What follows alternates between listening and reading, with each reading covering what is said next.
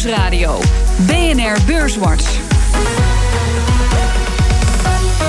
Rob Jansen. Welkom bij Beurswatch, het enige beleggingsprogramma op de Nederlandse radio. Met Joost van Leenders van Kempen Capital Management en Jim Tehoepoering van Eén Vermogensbeheer. Welkom. Um, we hebben gezien vandaag met name dat uh, ja, de handelsoorlog is verhevigd. Per saldo toch een rustige week op het Damrak. Um, ja, mijn gasten van de laatste weken die verwachten niettemin wat roeriger tijden voor de beurzen. Um, jij ook, Joost? Uh, ja, kijk, die, die, die, die handelsoorlog, eigenlijk Um, wat wij een beetje verwachten, dat het in ieder geval tot de verkiezingen, tot de, de, de, de verkiezingen in november in de Verenigde Staten nog wel even aan zou houden. Ja, ja. Wat, wat denk jij, Jim?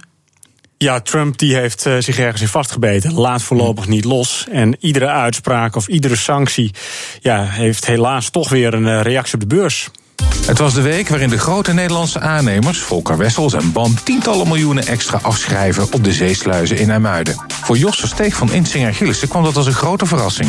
Ja, dat is toch een behoorlijk tegenvallend bedrag. We hadden gedacht 10, 15 miljoen. Maar dan toch twee keer zo hoog nog. Het is de grootste sluis ter wereld. En BAM en Volker willen daar graag hun aanbodje op. En zijn dan bereid om daar een veel te lage prijs voor neer te zetten. Want het risico is natuurlijk aanzienlijk met dit soort projecten. En er wordt veel gesproken over verdere consolidatie op de Nederlandse verzekeringsmarkt. Maar topman Lart Vriezen van NN zal erin geen grote rol spelen, zei hij deze week op BNR. We hebben geen noodzaak tot het doen van grote overnames in Nederland, gegeven de, de overname van Deloitte die we gedaan hebben en de enorme positie die ons dat geeft in diverse marktsegmenten. Maar daar waar er een mogelijkheid is om een bedrijf op deelgebieden verder te versterken, zullen we daar zeker serieus naar kijken. En volgens China is Trump de grootste handelsoorlog in de geschiedenis gestart. China zal Trump met gelijke munt terugbetalen, zegt Eunice Joon van CNBC. China, in fact, did retaliate with its own tariffs immediately after the U.S.'s move. Uh, customs officials have already started collecting duties for 545 items worth 34 billion dollars. Ja, uh, het lijkt erop alsof de Chinezen al klaar zaten met hun tegenmaatregelen, Joost. Meteen pam terugslaan. Ja, tuurlijk. Ja, tuurlijk. Ik bedoel, Trump heeft dat aangekondigd. Dus uh, uh, de, de, de Chinezen hadden natuurlijk tijd om daarop te reageren. Ja. Um, ik denk dat je eigenlijk een onderscheid moet maken tussen, tussen twee dingen. Hè. Um, uh, ja, de, de, handel nu, maar ook de strategie van China op lange termijn. Hè, ja. Waar Amerika beducht voor is. En dat is natuurlijk een lastige verhaal. Want kun je dat sturen? Moet je dat sturen? Kan je, mag je dat sturen als ander land? En die overdracht van technologie, er zit ook wat in. Hè? Er zit ook wat in wat dat betreft. Um, ja, dat heeft natuurlijk wel, wel gevolgen. Als je kijkt verder. Ja, weet je, Trump is Trump is ook wel een dealmaker. Er wordt vaak gespeculeerd. Je bijvoorbeeld kijkt naar die, die, die Duitse autosector, de Europese autosector. Dan denk ik dat daar de kans op een deal nog wel wat groter is. Dat ze op een gegeven moment zeggen: we gaan gewoon die tarieven afschaffen. of in ieder geval drastisch verlagen. Maar met China zit er ook een strategisch element in. En dat is eigenlijk wel uh, op lange termijn wat, uh, het wat, wat beangstigende ervan, vind ik. Ja, en dan is de vraag, uh, Jim is dit, speelt hij in de relatie met China een slim, spoker, slim pokerspel of eigenlijk met vuur? Ja, het lijkt vuur, maar als je eerdere keren bekijkt, of bijvoorbeeld de, de meeting met uh, Noord-Korea, uh, daar heeft hij natuurlijk ook heel wat gebluft en uiteindelijk ja. gebeurde het toch. Uh, ja. In een eerdere situatie ook, dat China toch bijtrok. Nou, in dit geval zegt China wel, we betalen met gelijke munt terug en dat kunnen ze ook, want ze zijn ja, vergelijkbaar met de eurozone, inmiddels dus een ja, niet uit de vlakke economie. Ja. Um, maar het lijkt er uiteindelijk wel steeds op dat Trump niet uit is op echte ruzie, maar wel kleine voordeeltjes. Ja, kleine voordeeltjes. Dat is eigenlijk ook een beetje de vraag die ik me steeds stel... en die ik nog niet voor mezelf heb beantwoord, Joost... is, um, wil Trump nou eigenlijk een gelijk speelveld? Hè, dat bijvoorbeeld China zich inderdaad in de regels, aan de regels houdt... en dan uh, allemaal dezelfde regels... Of uh, is die eigenlijk misschien toch ook wel een beetje uh, protectionistisch... en is hij niet zo, zo heel erg voor vrijhandel? Wat denk je? Nou, hij is natuurlijk niet voor vrijhandel, want eigenlijk roept hij dit soort dingen natuurlijk al, al, al decennia. Uh, maar ik denk wel vanuit een beeld dat het oneerlijk is. Uh, maar, maar nogmaals, dan, dan zou ik ook dat onderscheid maken tussen, mm. tussen Europa en, uh, en, en China. Um, dat hij, ja, dat hij zegt gewoon, ja, weet je, de overdracht van technologie is gewoon, is, is gewoon, is gewoon niet eerlijk. Als je dat, hè, dat je, dat je eigenlijk de technologie afpakt. Mm. Um, ik denk niet ik denk niet dat protectionisme op zich het doel is. Het is wel het doel om iets af te dwingen. Maar nogmaals, als er zeg maar ook de, de geopolitieke uh, het geopolitieke verhaal erachter zit, de opkomst van China, de, de angst daarvoor, uh, ja, dan is het een lange, dan da, daar sluit je geen deal over. Nee. Dan wordt het een stuk moeilijker natuurlijk. Ja. nou ja, als je, wat je zegt, dat, dat hoor je inderdaad ook wel vaker. Ja, hij heeft op een aantal punten, zowel als het om tarieven gaat als het schenden van intellectueel eigendom, heeft Trump een punt dan zouden wij eigenlijk, Jim, als Europa ons achter Trump moeten scharen. En dat doen we niet. Nee, want daarmee kun je zelf ook in de vingers snijden. Uh, want ja, wat een enorme exportgebied is natuurlijk voor Europa, is gewoon China. Als je het hebt over autobouwers. Uh, neem bijvoorbeeld een BMW, die exporteren meer naar China. Uh, of verkopen meer auto's in China dan in de VS. Dus het afzetgebied China is ontzettend belangrijk. En misschien is dat ook wel hetgeen wat we moeten erkennen en wat Trump wil tegenhouden. Dat we ooit Groot-Brittannië hadden als wereldmacht toen de VS. En dat dat misschien wel China is over 10 of 20 jaar. Ja, ja en hij heeft natuurlijk, de, hij heeft natuurlijk ook de, de samenwerking met Europa. Um, uh, meteen op het spel gezet door ook die, uh, die tarieven voor Europa te hanteren. Hè? Ja. Dus, uh, en die, en die, die, bedoel, die G7-top in Canada was ook een fiasco. Ja. Dus hij heeft niet echt de handen Europa gereikt van laten we hier nou eens samen ingaan. Nee, maar jij, jij zei al van ja, ik verwacht dat ze misschien hè, Europa en Amerika dichter bij elkaar kunnen komen. Want uh, de auto-industrie heeft voorgesteld. Laten we nou gewoon al die tarieven afschaffen. Merkel uh, is daarmee eens. Ook al gaan de autobouwers en Merkel daar niet over, maar Brussel, maar goed. Ja. Um, daar zou dus nog wel ruimte zitten. En het schijnt dat hij daar gevoelig voor is. Het schijnt dat hij daar misschien. dat hij dat soort concessies eigenlijk wil. Ja, ja, hij zegt ook, hè, maar hij is natuurlijk heel selectief. Hè. Hij is heel selectief. Dan zegt hij, uh, op Amerikaanse auto's in Europa wordt zoveel gegeven, gegeven, geven veel meer dan andersom. Nou ja, voor vrachtwagens is het weer zo dat Amerika veel hogere tarieven heeft. Ja, ja. Dus het is, het is heel selectief.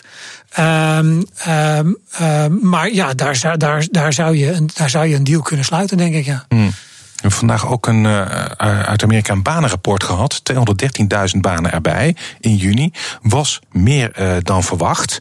Um, positief, dus het gaat gewoon lekker met de Amerikaanse economie. Is, zelfs krapte inmiddels hè, op de arbeidsmarkt in Amerika. Wordt dat geen probleem, Jim? Ja, um, dat wordt op een gegeven moment natuurlijk wel een probleem. Maar eigenlijk was dit beeld van die banen, uh, banencijfers een beetje gemengd. Mm. Want aan de ene kant meer uh, banen dan verwacht. Aan de andere kant was de loongroei weer wat lager dan verwacht. Um, ondertussen liep ook de werkloosheid weer wat op. Dus waar misschien wel, uh, ja, e-, eigenlijk zeggen beleggers hier ook van ja, hoe moeten we dit nu interpreteren? Want duidt dit nou op meer renteverhogingen of niet? Het was echt een gemengd beeld. Je kunt er eigenlijk niks zingends over zeggen dan behalve dat het aantal banen meeviel. Mm. Joost, hoe kijk jij daarnaar? Naar nou, het, een heel positief rapport. Want um, die werkloosheid loopt op doordat er gewoon meer mensen zich aanbieden op de arbeidsmarkt. Dus je, ziet, je ziet mensen die echt, echt aan de zijkant stonden, zie je terugkomen. Hmm. Dat is goed. Ja, dan stijgen die lonen niet. Dat is voor de consument niet zo fijn. Is voor bedrijven natuurlijk fantastisch. Want hmm. uh, de, de, de omzet groeit doordat er meer mensen aan het werk zijn en de, en de loonkosten blijven beperkt. Dus eigenlijk is dat goed. Uh, dus je zag ook, je zag niet heel veel reactie hoor, maar de beurs een beetje hoog en de rente wat laag. Inderdaad. En dan heb je ook nog eens dat de Fed misschien wat minder gaat doen. Ja. Dus die Amerikaanse economie die draait hartstikke goed. Ik denk inderdaad dat de arbeidsmarkt zo krap is dat je op een gegeven moment wel die loonstijging moet krijgen. Dat zie je ook in sommige dingen. En waar, waar ik dan uh, eigenlijk bezorgd ben voor de Verenigde Staten, maar daarmee eigenlijk ook voor de wereldeconomie, is de Amerikaanse centrale bank.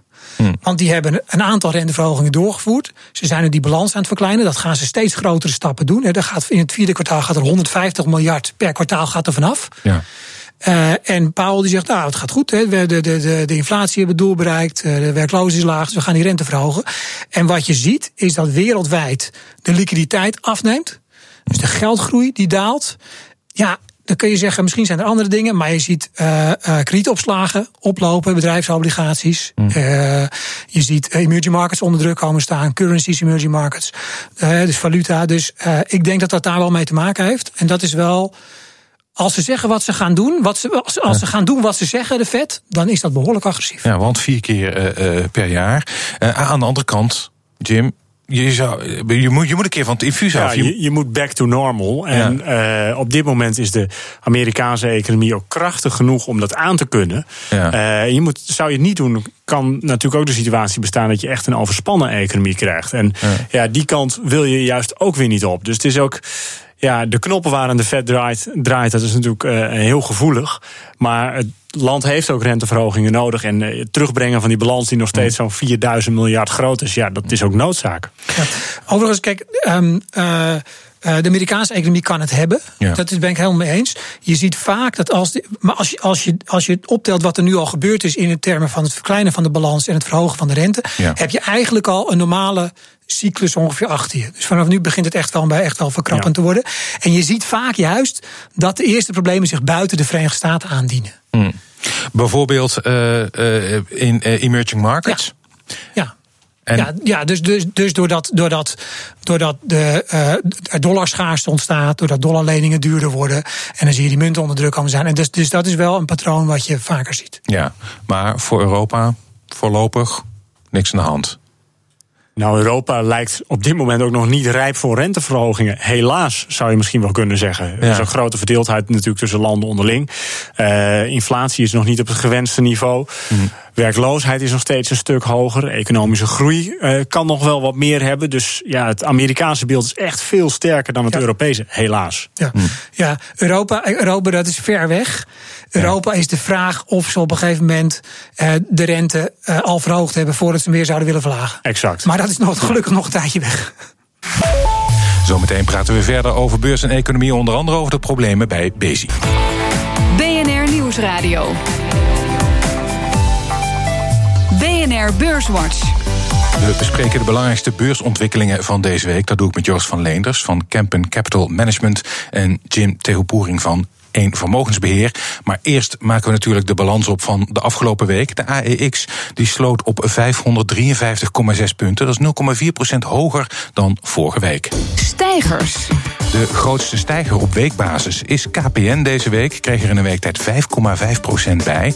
Galapagos kreeg er 4,3% bij. En op plek 3 ING met een plus van 2% En in de midcap was het best presterende aandeel deze week Takeaway.com met een plus van 2,8 procent. Dalers. Daler. Grootste daler in een week tijd. Altis Europe met een min van 5,9 procent.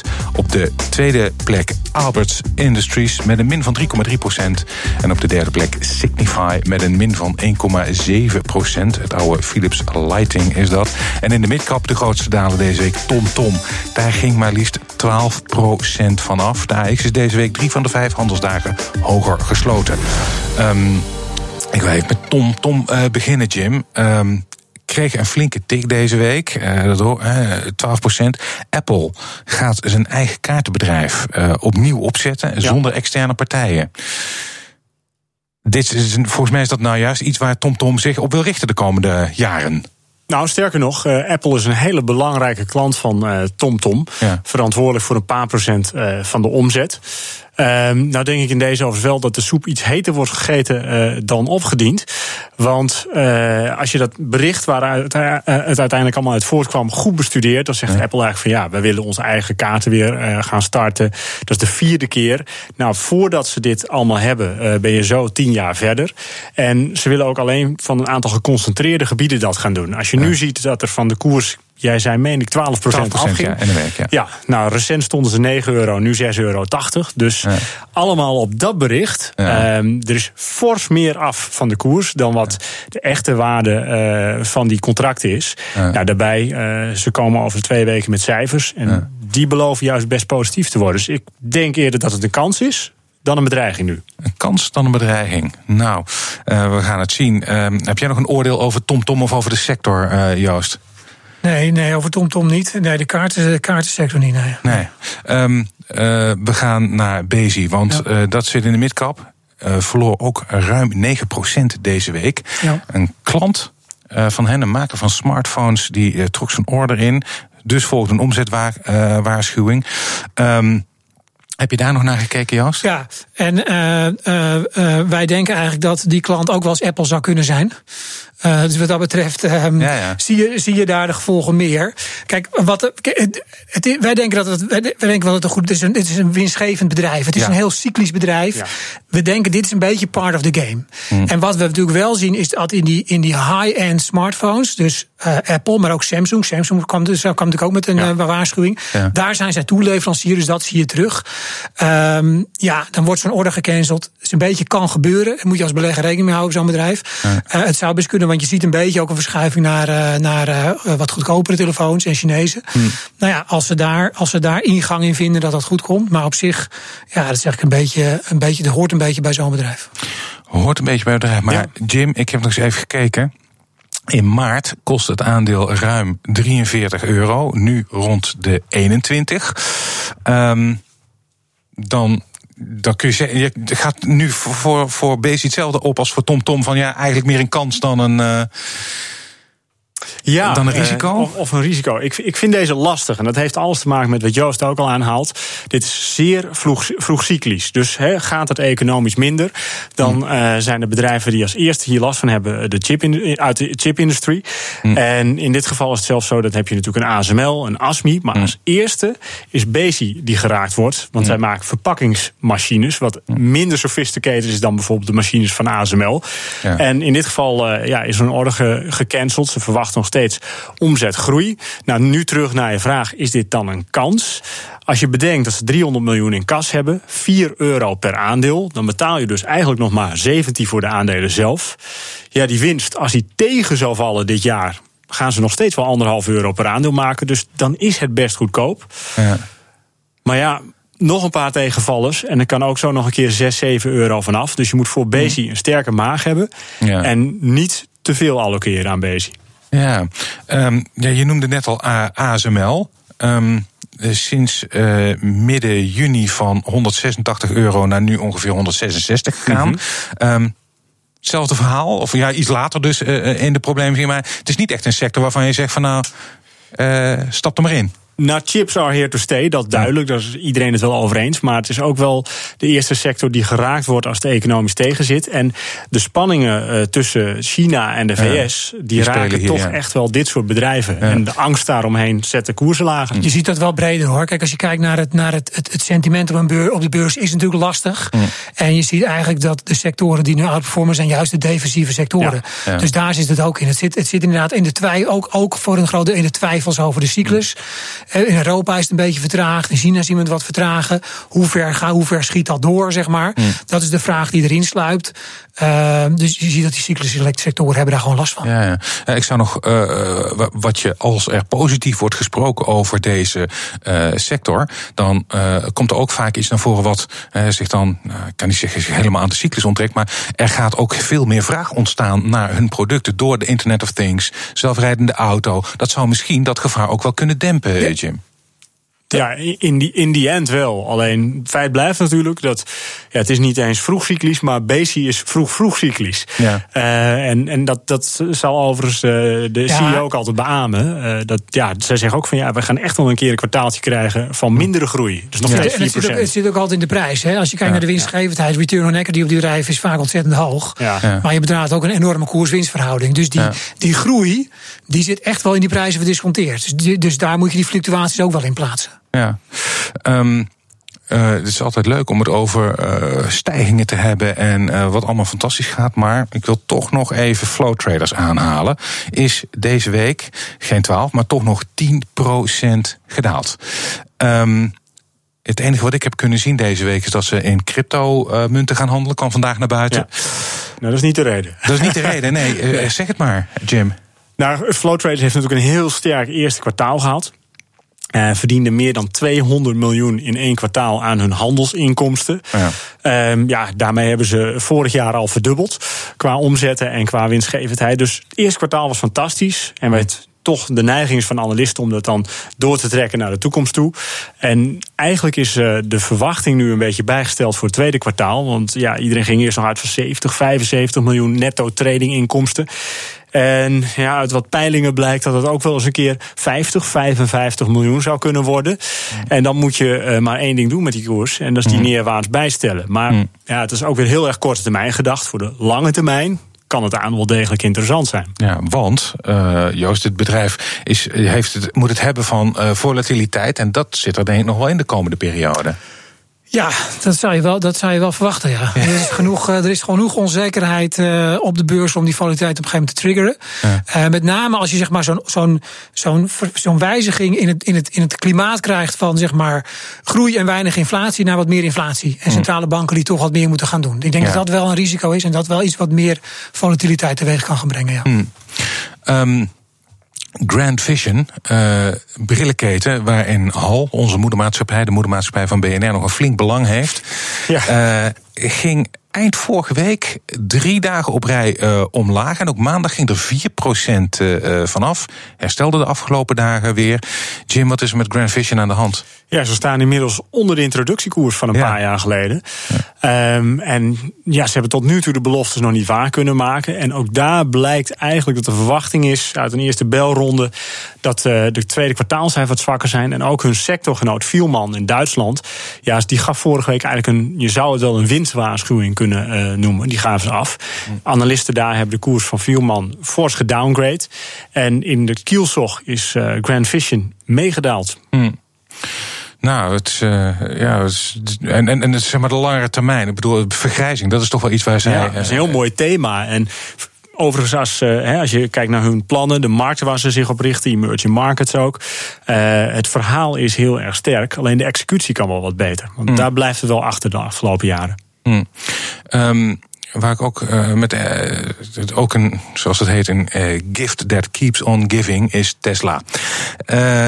Tesla had namelijk eindelijk goed nieuws deze week. De productie van Model 3, dat is uh, ja, het zwart van Damocles boven dat bedrijf, was eindelijk veel te laat, maar eindelijk boven de 5000 stuks per ja, week uitgekomen. Ze ook ontzettend bovenop gezeten te hebben, als je de berichten ja, las. Ja, precies, ja. En dus dan denk je van, nou ja, pff, een soort uh, relief rally, maar dat was niet het geval, uh, Jim. Het ging, de reactie was heel negatief. Ja, er ging eigenlijk gewoon uh, bijna 20% weer van de koers af. En ja. ik, ik ben het daar ook heel erg mee eens, want ik vind niet dat een bedrijf met zoveel schuld en relatief weinig omzet en dan ook nog grote verliezen. Een beurswaarde kan hebben die bijvoorbeeld boven die van Volkswagen of BMW ja. ligt. Ja. En daarbovenop uh, als ze zo doorgaan, is aan het eind van het jaar het geld op. En dan moet er nieuw aandelenkapitaal misschien ik, worden uitgegeven. Ik weet niet precies waarom het nu is. Het enige wat ik zou kunnen bedenken is dat je, dat je wel horen dat, uh, dat werknemers echt enorm uitgeknepen worden. En de vraag ja. is of het, in, of het in die zin houdbaar is. Ja. Misschien dat dat het was. Maar ik ben het helemaal met Jim eens. Het is, weet je, dat, dat, uh, als je kijkt, het wordt, het wordt natuurlijk gezien als een, als een soort van disruptor voor die auto-industrie. Ja. Maar dat is natuurlijk met auto's heel anders dan met, dan met weet ik veel, sociale media of in, in het dienstverlening. Je kunt het niet zo makkelijk opschalen. Nee. En ik denk dat dat enorm in de prijs zit. En ik bedoel, als, als nou BMW en Volkswagen zeggen, nou, wij gaan ook gewoon goede elektrische auto's maken. Ja, ja ik bedoel, dan heeft het bedrijf vast bestaansrecht. Ja. Maar uh, het, ik denk niet dat het die disruptor-functie heeft. Nee. Waar het volgens mij wel voor gewaardeerd is. Ja, ja inderdaad. Je zegt het al, Volkswagen gaat volgens mij ook vol in op, uh, op elektrisch, Jim. Dan is, dan is de, de uniciteit van, van Tesla, ja, misschien, ja. Ja, dat klopt. Die is er niet, dus. Ze worden ook gedwongen natuurlijk door overheden. In Duitsland bijvoorbeeld geloof ik vanaf 2025 geen diesels meer. Ja. Dus die uitstoot die moet terug. En ze hebben ook de budgetten, de techniek, de ervaring om hier volop in te zetten. Hm. Um, en ja, dat, dat is bij Tesla natuurlijk. Die hebben niet de ervaring, straks ook niet meer het geld. Hm. En waar ze zich bijvoorbeeld op gekeken hebben met die Model 3... dat dat het hele andere uh, machines en robo robots vereist... om die in elkaar te zetten dan die oude, uh, uh, dan die oude S. En wat hm. ik ook nog wel een puntje vind is dat de eerdere verkopen heel erg gedreven waren op subsidies. Mm. Want ja, zo'n zo'n auto kost een ton. Ja. En als je die naast een Mercedes of een BMW zet van een ton, ja, dan kies je toch echt voor die Mercedes of die BMW, omdat het gewoon kwaliteit is. Ja, ja dat uh, zou zomaar kunnen. Ja, ja. ja, ja. ja okay. Ik weet niet wat Joost doet, maar. ik weet niet, ik ben op de fiets. Ja, ja, ik ook. Duizend euro. um, ja, uh, we zijn alweer uh, bijna aan het einde van de uitzending. En dan vraag ik altijd aan mijn gasten de tip voor de luisteraar. Waar moeten ze in beleggen? Jim, the floor is yours. Nou, ik zat eerst te denken aan PostNL, maar ik ben ja. gedurende de uitzending geswitcht naar Aperam. En dat heeft misschien wel meer te maken, juist met die handelsoorlog. Het aandeel is zwaar geraakt. Uh, heeft een geweldig management, uh, netto kaspositie, uh, hele mooie winst per aandeel. En is nu echt aantrekkelijk gewaardeerd. Dus als je denkt ja. dat het uiteindelijk koek en ei wordt tussen Europa, China en Trump, ja. ja, dan is dit een mooi aandeel. Joost. Ja, je weet dat ik nooit echt zo de individuele, de individuele tip heb. Maar waar, waar wij, waar wij zelf als beleggers um, uh, goed naar kijken, wat we mensen goed in de gaten moeten houden, is die, die, wat ik zei, die verandering van het beleggingsklimaat. Gaan ja. we naar een andere verdeling van groei-inflatie? Uh, centrale banken uh, die daar, die daar op inspelen of in moeten spelen. Um, en daarmee ook waar zitten de kwetsbaarheden? Waar zie je dat als eerste terug? Hè? Ik noemde al bedrijfsobligaties, um, emerging markets. Denk ik dat het ook alweer een veel deel verdisconteerd zit. Ja. Maar die, die verandering van zo'n klimaat en de bewegelijkheid die daarmee tegen gepaard gaat, dat is echt wel iets wat ons bezighoudt, zeg maar. Ja. Helder. Uh, hartelijk dank, Joost van Leenders van Kempen Capital Management en Jim Tehupoering van 1 Vermogensbeheer. Dit was BNR Beurswatch. Terugluisteren kan via de site, de app, iTunes of Spotify. En tot volgende week.